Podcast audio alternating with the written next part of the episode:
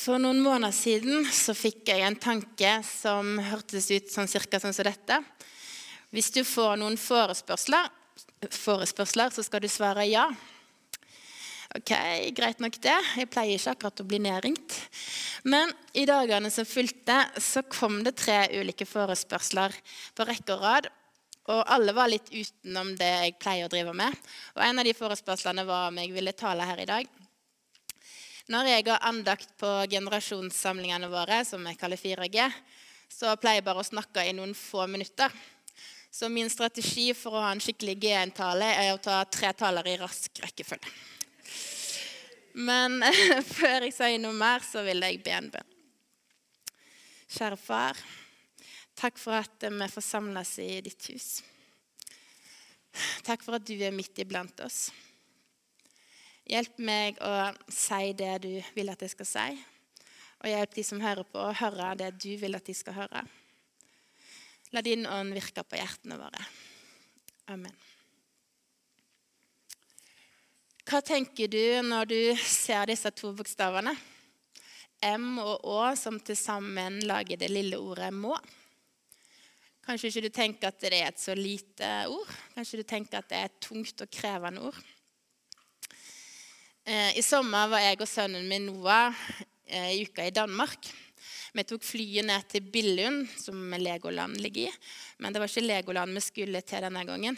Vi tok bussen litt videre, og så skulle vi være på en barneleir, bøneleir eh, i Danmark. Og det var veldig kjekt. Men på en leir er det jo selvfølgelig mange måltider. Og sånn som de gjorde det på denne leiren, så hadde de organisert det sånn at vi satt med faste bord, sånne langbord med ca. tolv personer på hvert bord. Og Enten det var brødmåltider eller middag eller snacks, så ble de satt ut på disse bordene som vi satt rundt. Så da fikk vi jo god anledning til å øve oss på å be om å få tilsendt maten. Og det er jo sånn at eh, eh i Norge sier vi jo 'Kan du sende meg, sende meg syltetøy?' Eh, da sier de jo 'Må jeg be om?' Må jeg be om marmelade? Ja, så det fikk vi øvd oss godt på. Eh, og det er en fascinerende forskjell på betydningen av 'må' på norsk og dansk. Fordi eh, når vi sier 'må', så mener vi jo 'skal', eller liksom litt sånn, mens de mener 'kan'. Og hvis du skal spørre noen om du kan få være med, så sier du 'må jeg få være med'. Og mye kan jo forstås ut fra tonefall og liksom sammenheng, men du kan misforstå hvis du vil. Og det var en norsk skuespiller som ville det. For han bodde i Danmark, og så var han så forelska i ei dansk jente. Så hadde han endelig fått anledningen til å få henne litt på tomannshånd. Han skulle kjøre henne hjem.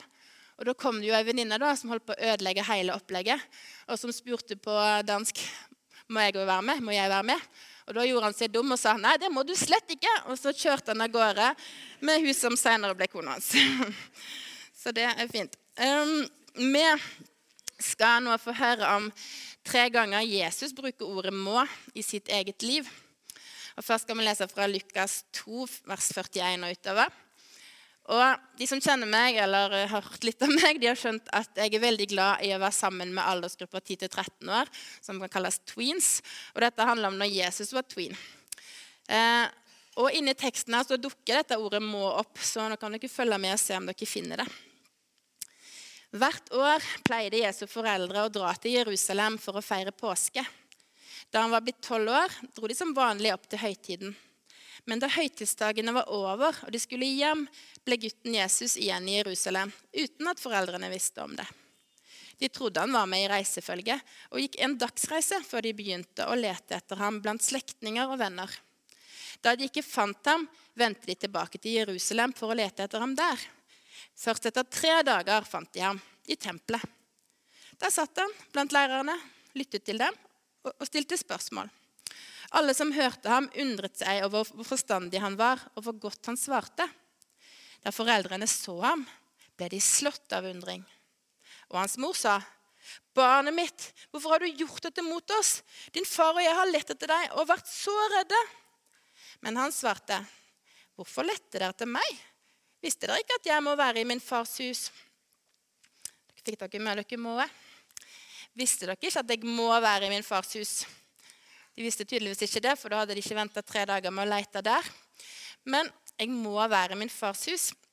Jeg har hørt foreldre ha litt forskjellige meninger om hva man skal gjøre hvis ungene når de er litt eldre, ikke alltid har lyst til å være med i kirka. Eh, når barnet sier 'må vi være med', så er det ikke den danske betydningen. Men det var ikke foreldrene som hadde sagt at Jesus måtte være i tempelet og henge der i tre dager. Det var noe han sjøl sa. 'Jeg må være i min fars hus'. Og I studiebibelen så står det at dette er, var en tydelig og nødvendig åndelig løsrivelse fra mora. Jeg er jo Guds sønn, og jeg må jo være i min fars hus. Men samtidig høres dette ut for meg som et må som kommer fra innsida. Jeg har tenkt, Hva det en sånn type må som vi får hvis vi kombinerer ordet må og bare? Jeg bare må, eller jeg må bare. Da får det liksom en litt annen betydning. Det handler om en sånn urge, noe vi kjenner behov for inn, inni oss. F.eks. når vi sier 'Jeg må bare få gi deg en klem'. 'Jeg må bare få fortelle dette', eller 'Jeg må bare høre hvordan du har hatt det'. Mamma og pappa, jeg bare må bruke tid med Gud. Dere skjønner vel det?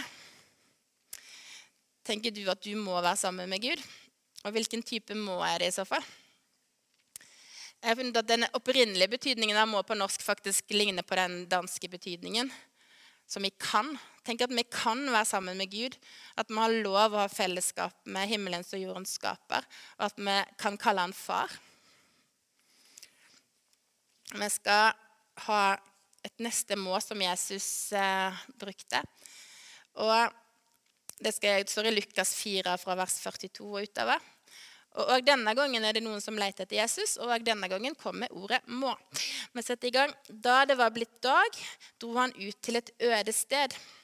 Folk ga seg til å lete etter ham, og da de kom dit han var, forsøkte de å holde ham igjen, så han ikke skulle gå fra dem. Men han sa til dem, også i de andre byene må jeg forkynne det gode budskapet om Guds rike. Det er det jeg er utsendt for. Og han fortsatte å forkynne i synagogene i Judea i denne teksten tenker jeg at det på en måte er to må. Det ene vil jeg kalle det ytre må. For de sto at de holdt han igjen for at han ikke skulle dra videre. Og Det står ikke hva de sa, men jeg kan tenke meg liksom at de sa du må bli her hos oss. Jesus, du må ikke dra fra oss. Men Jesus han fulgte ikke det presset og det ytre må-et om hva andre mente. Men så var det et annet må i teksten som jeg vil kalle det indre må-et, og det står jo rett ut. Jeg må forkynne det gode budskapet i de andre byene også. Det var derfor Gud sendte meg. Gud følte, Jesus fulgte det indre må-et som Gud viste ham. Og han visste hva som var kallet hans, og hva, hva som var oppgaven hans i livet. Og Det er litt på en annen måte, men jeg føler jeg kjenner meg litt igjen i det. Som nevnt så liker jeg godt å være med den aldersgruppa 10-13 år. Og jeg merker at det er det jeg liksom presser seg fram uansett hvor jeg er. Litt sånn at jeg kan si som, som Jesus. Det var derfor Gud sendte meg. Eh, det hjertet er fullt av tale i munnen, står det i Bibelen. Og mitt hjerte for tweens har en tendens til å tyte ut. Og det var ei venninne som sa til meg for noen år siden Når du snakker om tweens, så er det sånn at sjøl vi med definerte kall begynner å lure på om det ikke egentlig òg var tweens vi skulle ha jobba med.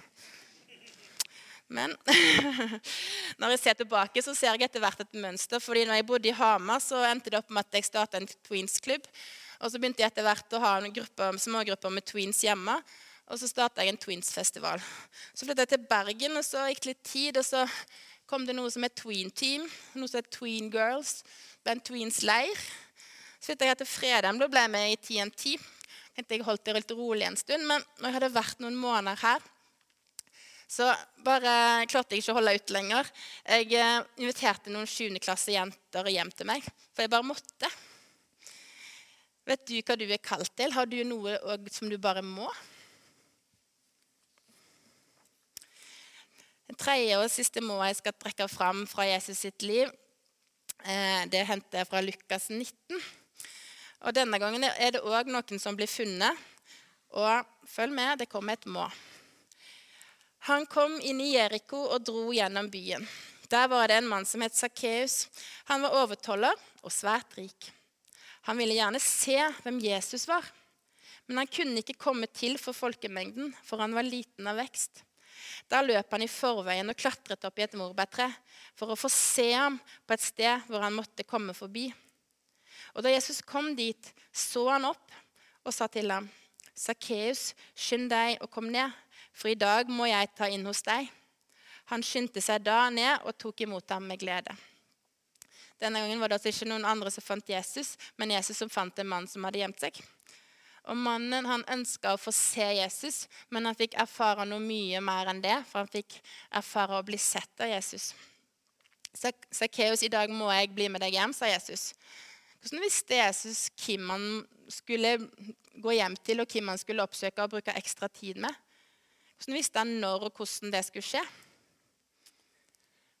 Jeg har hatt litt lengre tid å tenke på det enn dere, så jeg har tenkt på noe som står i Johannes 5, eh, vers 19, når Jesus sa Sønnen kan ikke gjøre noe av seg selv, men bare det han ser Faderen gjøre. Det Faderen gjør, det gjør også Sønnen. For Faderen elsker Sønnen og viser ham alt det han selv gjør. Og Jesus snakker jo om seg sjøl i tredje person her, men det han altså sier egentlig Jeg gjør bare det jeg ser at Gud gjør. Men hva betyr det å se hva Gud gjør? Jeg har tenkt litt på det òg. Det står jo ikke at Jesus hørte hva Gud sa, og så gjorde han det han fikk beskjed om, men at han så hva Gud gjør. Og jeg vet ikke svaret, men jeg har noen tanker rundt det. fordi en ting jeg lurer på er, Å se hva Gud gjør, kan det bety å få tanker fra Gud i form av bilder eller videoer på innsida?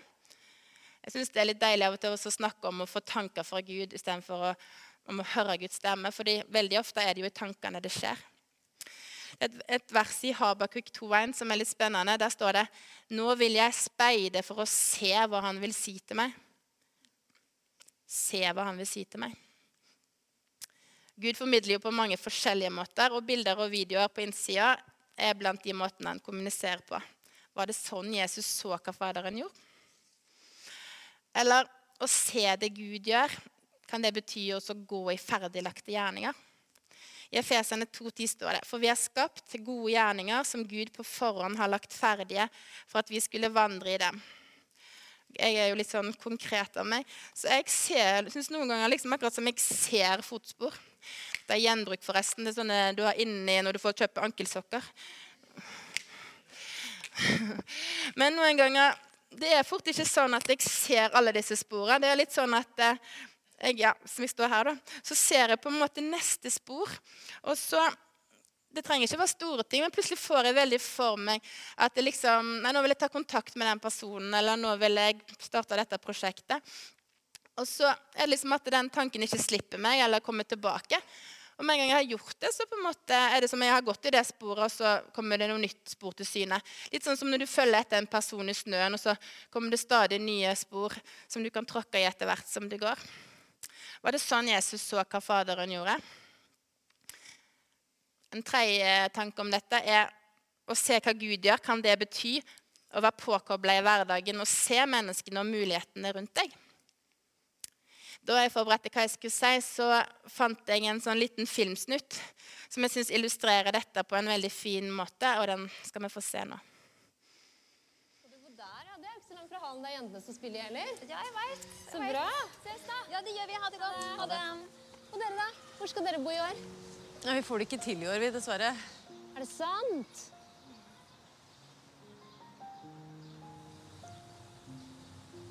Sofie kan gjerne bli med oss. Alt koster så mye nå, bare. Ikke tenk på det. Er hun med oss, så er hun med oss. OK. Takk. Så fint.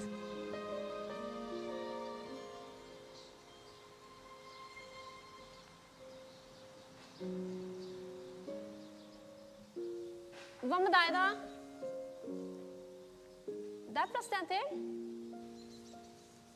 Jeg kan ikke spise ute og sånn, jeg nå. Ja, Vi trenger ikke det. Nei, OK. Fint. Vi snakkes nærmere. Ja, vi, ja, vi gjør det.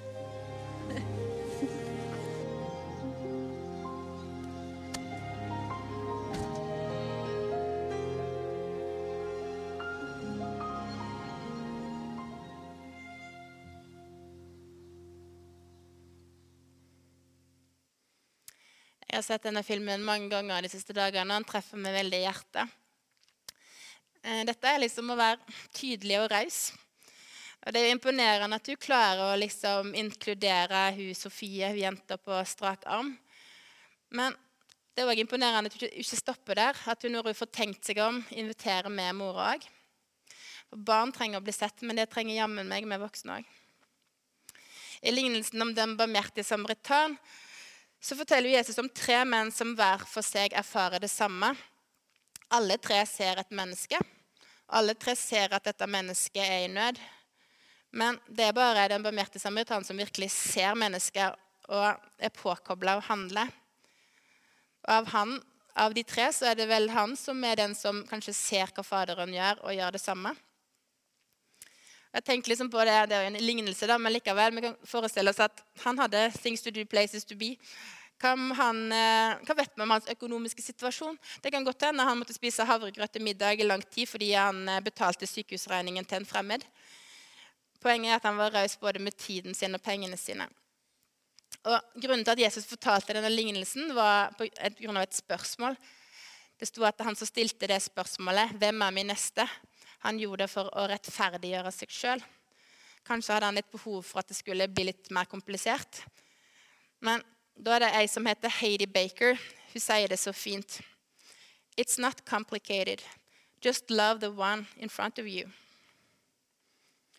Det er ikke mer komplisert enn å gi kjærlighet til den vi har rett foran oss der og da. Og Heidi Baker hun bruker òg begrepet 'stop for the one'. Det var det den barmhjertige samaritan gjorde. Han stopper for den ene. Og det var jo egentlig det som skjedde i filmen her. Så jeg vet ikke hva Jesus mente når han sa at han gjorde bare det han så Faderen eh, gjør. Men uansett hvordan han ble ledet, så førte det i hvert fall til at han stoppet for den ene som var rett foran han. Han, og han stoppet bl.a. for Sakkeus. Og for Sakkeus så betydde det alt. Så her på Fredheim så har temaet i høst vært eh, fellesskap med Jesus og hverandre. Og nå har vi sett på hvordan Jesus brukte tid med sin far i himmelen. Men også hvordan han tok seg tid til å initiere fellesskap med eh, Sakkeus, selv om han var kalt til å reise rundt fra by til by. Og mitt fokus i talen og videre er fellesskapet med hverandre. Men jeg vil bare nevne en ting som Heidi Baker òg eh, sa. fordi når hun snakker om å stoppe for den ene, så er det i dobbelt betydning. Først å stoppe for den ene Gud, the one and only. Eh, den eneste Gud. Og etter det stoppe for den ene det vi møter i hverdagen. Men hvordan kan vi alltid ha plass til en til her på fredag? Eh, jeg vil dele noen tanker om det, men jeg måtte få skvise inn én film til fra Blokkors, så vi skal få se en til nå. Du bader bare 24 grader. Da legg det bak dere. Legg det bak dere. Kan ikke vi også dra? Det hadde vært veldig fint, men du vet, jeg kan ikke kjøre bil ennå. Så det går ikke. Hei, har du lyst til å bli med, eller? Har du fiska før? Så fint. Jeg setter inn det.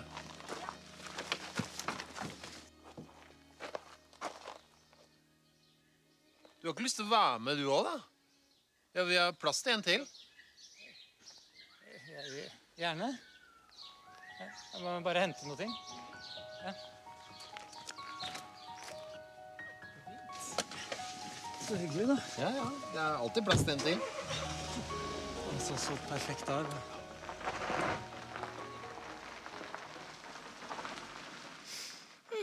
Det er så fine de filmene. Det er alltid en plass til en til, sier de. Så er det alltid plass til en til her på fredag.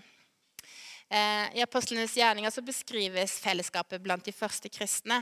Og begrepet for eh, kristne på den tiden var dem som tilhørte veien. I apostlenes gjerninger 2 står det hver dag la Herren til nye som lot seg frelse. Nye folk i menigheten, ikke bare hver søndag, men hver dag. Hvordan ble disse inkludert? Her på Fredheim har vi jo samlinger som heter Ny på Fredheim. Så kanskje de første kristne, de som tilhørte veien, hadde tilsvarende samlinger som de kalte Ny på veien. Det kan være. Men jeg kan jo lese litt om hvordan de hadde det. i hvert fall. Alle de troende holdt sammen. Hver dag holdt de trofast sammen på tempelplassen, og i hjemmene brøt de brødet og spiste sammen med oppriktig og hjertelig glede. De sang og lovpriste Gud og var godt likt av hele folket. Og hver dag la Herren til nye som lot seg frelse. De holdt sammen og hadde tydeligvis plass til én til og én til og én til. Eh, når jeg var tenåring, så la Gud òg hele tida nye til ungdomsgjengen som jeg var med i. Om ikke hver dag, så kanskje hver måned. Hver gang vi hadde sånne gospel night, som det heter på den tida, så var det mange ungdommer som ga livet sitt til Jesus hver gang. Og etter liksom evangeliet var blitt forsynt, så ba alltid pastoren også, eller han som forsynte, oss om å bøye hodene. Og Da drev jeg alltid og telte hvor mange ganger han sa 'Gud velsigne deg', Gud velsigne deg, for å få en indikasjon på hvor mange det var som tok imot den dagen. Men det var jo helt fantastisk. Men når nye legges til, så skaper det nye praktiske utfordringer. Og Jeg husker diskusjoner av typen Vi kan ikke ha med flere ungdommer i, i, i koret nå. Det er sprengfullt, vi har ikke kapasitet. Ja, men Vi må jo invitere dem med. De har jo tatt imot Jesus, og de ønsker å være en del av miljøet. I kristne miljøer så ønsker vi selvfølgelig at det skal være plass til flere. Og det er jo en gammel barnesang som er sånn. Alle, alle vil vi ha med. Vil vi ha med til himmelen. Og For å prøve på det da, så har vi en del strategier som går igjen. En strategi er sånn Snu deg og prat med noen du ikke kjenner fra før. Vi pleier ikke å gjøre det så mye her på Fredheim, tror jeg, men jeg tror de fleste kanskje har vært i en sammenheng der du har bedt, blitt bedt om å snu deg og hilse på den sidemannen. Og jeg har funnet en sånn meme med, som beskriver følelsen en del, en del av oss får i sånne situasjoner.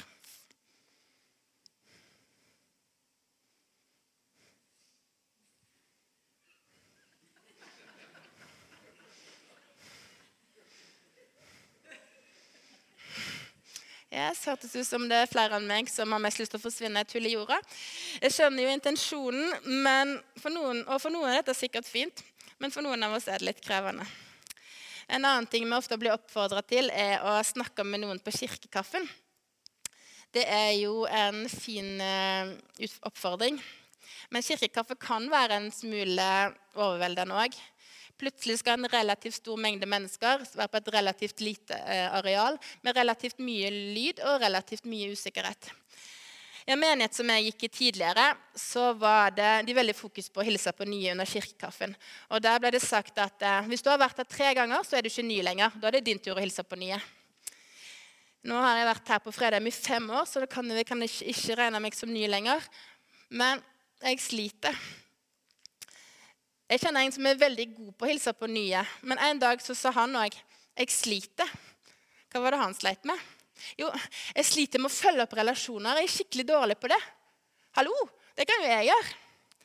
Jeg er ikke så god på den første kontakten, men jeg er god på å følge opp relasjoner og ta relasjoner fra ett nivå til neste. Hva om vi kobler oss sammen? Jeg har hørt om folk som liker å ta kontakt med nye, som vet at de kan ta med seg sine nye bekjentskaper bort til et bord med vennene sine, og så tar de det derfra. En annen ting jeg er god på, er å være med på samtaler hvis andre initierer de. Og Det høres kanskje ikke ut som et så veldig stort bidrag, men nå er det jo sånn at i en samtale så er det jo to personer involvert. Så hvis eh, du ikke tør å ta det første stedet, steget, så vær veldig klar for å være imøtekommende mot den som faktisk tør å prøve. En annen strategi vi bruker, er å oppfordre folk til å bli med i mindre fellesskap. Og Den eh, tredje eh, strategien her har jeg god erfaring med. Da vi begynte på Fredheim, så fylte vi ut et sånt skjema. Nå har de kommet ut på sånn QR-kode. Men et skjema der det sto 'Vil du bli med i huskirke?' Yes. 'Vil du bli med i tjeneste?' Yes. 'Vil du bli medlem?' Yes. Yes, du har. Eh, og det er jo utgangspunktet i disse fellesskapene at jeg har blitt, fått flest nye relasjoner. Litt om tjenestegrupper. I sommer leste jeg en bok som heter 'The Social Guidebook to Norway'. Og for Forfatteren sa at vi nordmenn er ikke som alle andre når det gjelder måten å bli kjent eh, på. Han hadde observert at vi er mer komfortable med å snakke med noen andre innenfor ramma av en aktivitet eller en gruppe og at vi er bedre på å være sosiale mens vi gjør noe praktisk. Nå vet jeg tilfeldigvis at det er ledige plasser i de fleste tjenestegrupper for tida, så her er det muligheter. Og så litt om huskirka til slutt. Jeg er veldig glad i huskirka mi. For der deler vi liv. Vi kan fortelle hverandre om det som er kjekt, og om det som er kjipt. Og vi kan være sårbare i den settingen sammen. Og Jeg hørte en gang en som sammenligna dette med relasjoner med når du poder en grein inn på et tre. Når du kutter en grein av et tre, så får jo den en sånn sårside. Og i det treet du skal pode den inntil, så må du òg lage et kutt som blir et sår. Og så sa han det er når sårside møter sårside, at du blir poda sammen. Og det er sånn det er med relasjoner. at Når vi slipper folk på innsida, bak fasaden, at det er da dypere relasjoner dannes. Hvorfor snakker jeg om alt dette om å bli kjent? Jo, fordi Jesus ga oss et bud, og det står i Johannes 13, 34-35. Et nytt bud gir dere. Dere skal elske hverandre. Som jeg har elsket dere, skal dere elske hverandre. Ved dette skal alle forstå at dere er mine disipler, at dere har kjærlighet til hverandre. Det står jo ikke noe i vers, dette verset om å bli kjent. Det står om å elske hverandre. Men jeg tenker som sånn. Det er hakket lettere å være glad i dere hvis jeg kjenner dere. For hver relasjon begynner jo med å bli kjent. Så jeg har en overskrift nå som heter 'fartsdumper'. Fordi kanskje er ikke du sånn at når du tenker på muligheten for nye relasjoner, så tenker du 'må ha det', bare må ha det. Jeg tror ikke noen ikke ønsker å være inkluderende. Men likevel er det noen fartsdumper som gjør at det kan gå litt treigt noen ganger. Fartsdump nummer én kan være at vi ikke tar initiativ fordi vi sjøl er usikre og har nok med oss sjøl. Been there, done that. En annen fartsdump kan være at vi ikke tør å takke ja fordi vi ikke vil være til bry. Fordi I de filmene vi har sett, så har jo folk svart ja med en gang på invitasjonene. Og det er noe av det som jeg syns gjør de så rørende. I noen kulturer er det jo faktisk sett, ansett som uhøflig å takke ja på første gang du blir spurt om noe. Og En kamerat av meg han ville dele ut noe gratis til noen med utenlandsk opprinnelse. Og han kjente til denne problemstillingen i den kulturen. Så Derfor stilte han barnet samme spørsmål tre ganger. 'Vil du ha denne?' 'Nei takk.' 'Vil du ha denne?' 'Nei takk.' 'Vil du ha denne?' 'Ja takk.' Og, og her i Norge så tror jeg responsen vår ofte kan være 'Nei, det, det går bra'. Eh, at vi liksom blir litt overrumpla, og så kanskje vi ikke helt tror på at de egentlig mener det. Eller kanskje er vi for stolte til å ta imot. Men jeg tenker at eh, å si ja er jo òg en gave. For hvis én gir gaven å initiere, så gir jo den andre gaven å akseptere. Og det er jo en gave til andre å la de få lov å bli kjent med deg. Og Den siste fartsdumpen er at kanskje vi ikke orker å tenke på det. At livet er fullbooka, at vi mangler overskudd. Eh, kanskje vi føler har nok med å følge opp de menneskene vi allerede har i livet. At vi kjenner oss overveldet av at eh, vi opplever dette som enda et krav og forventning om å prestere. Og Kanskje er ikke dette rett timing for deg å ta tak i dette. Bare spør Gud hva han sier til deg der du er i livet akkurat nå. Her om dagen så forklarte jeg uttrykket 'trøtt som en strømpe' eh, til et barn. Og Når jeg forstår uttrykket, så ser jeg for meg en sånn der knestrømpe som har sklidd ned på leggen, at du føler deg helt segen. Og Da kom jeg til å tenke på at eh, vi alle er som hoppeslott. Den så du ikke komme. Du er et hoppeslott. Nei, men eh, da vi var på Camp Fredag, menighetsweekenden vår, så var jeg der når vi skulle blåse opp disse hoppeslottene. Og Før de ble kobla til luft, så lå de bare utover og var ikke brukende til ting, bare en klump med plastikk.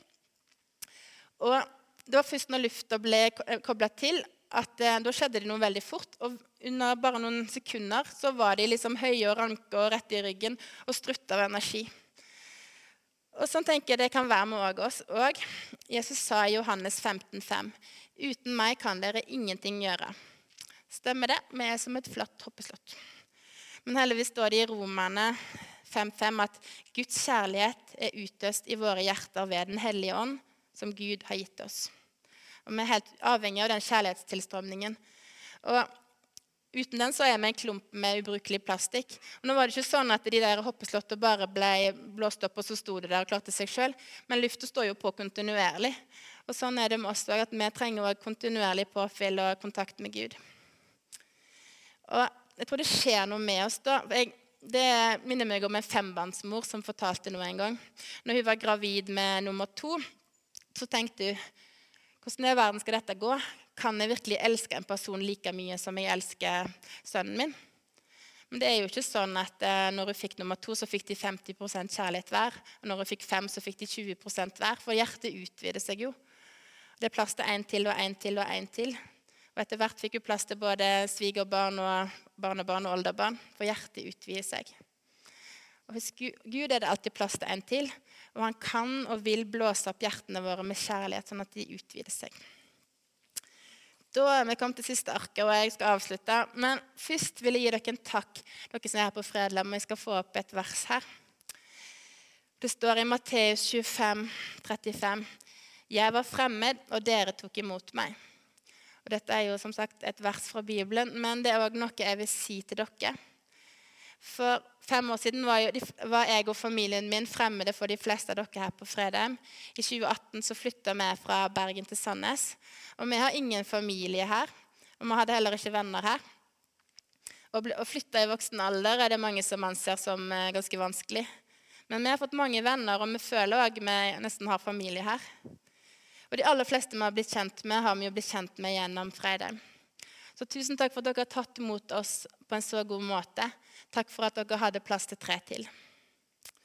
La oss sammen fortsette å skape en stadig mer inkluderende menighet som alltid har plass til flere. La oss be. Gud, jeg ber om at du vil vise hver enkelt her inne hva du gjør. Og hjelp oss å følge i dine fotspor. Jeg ber at du åpner hjertene for, eh, våre for hverandre og for menneskene rundt oss. Og hjelp oss til å søke deg, Gud. Du som er far, vår far, og du som er kjærlighet. Amen.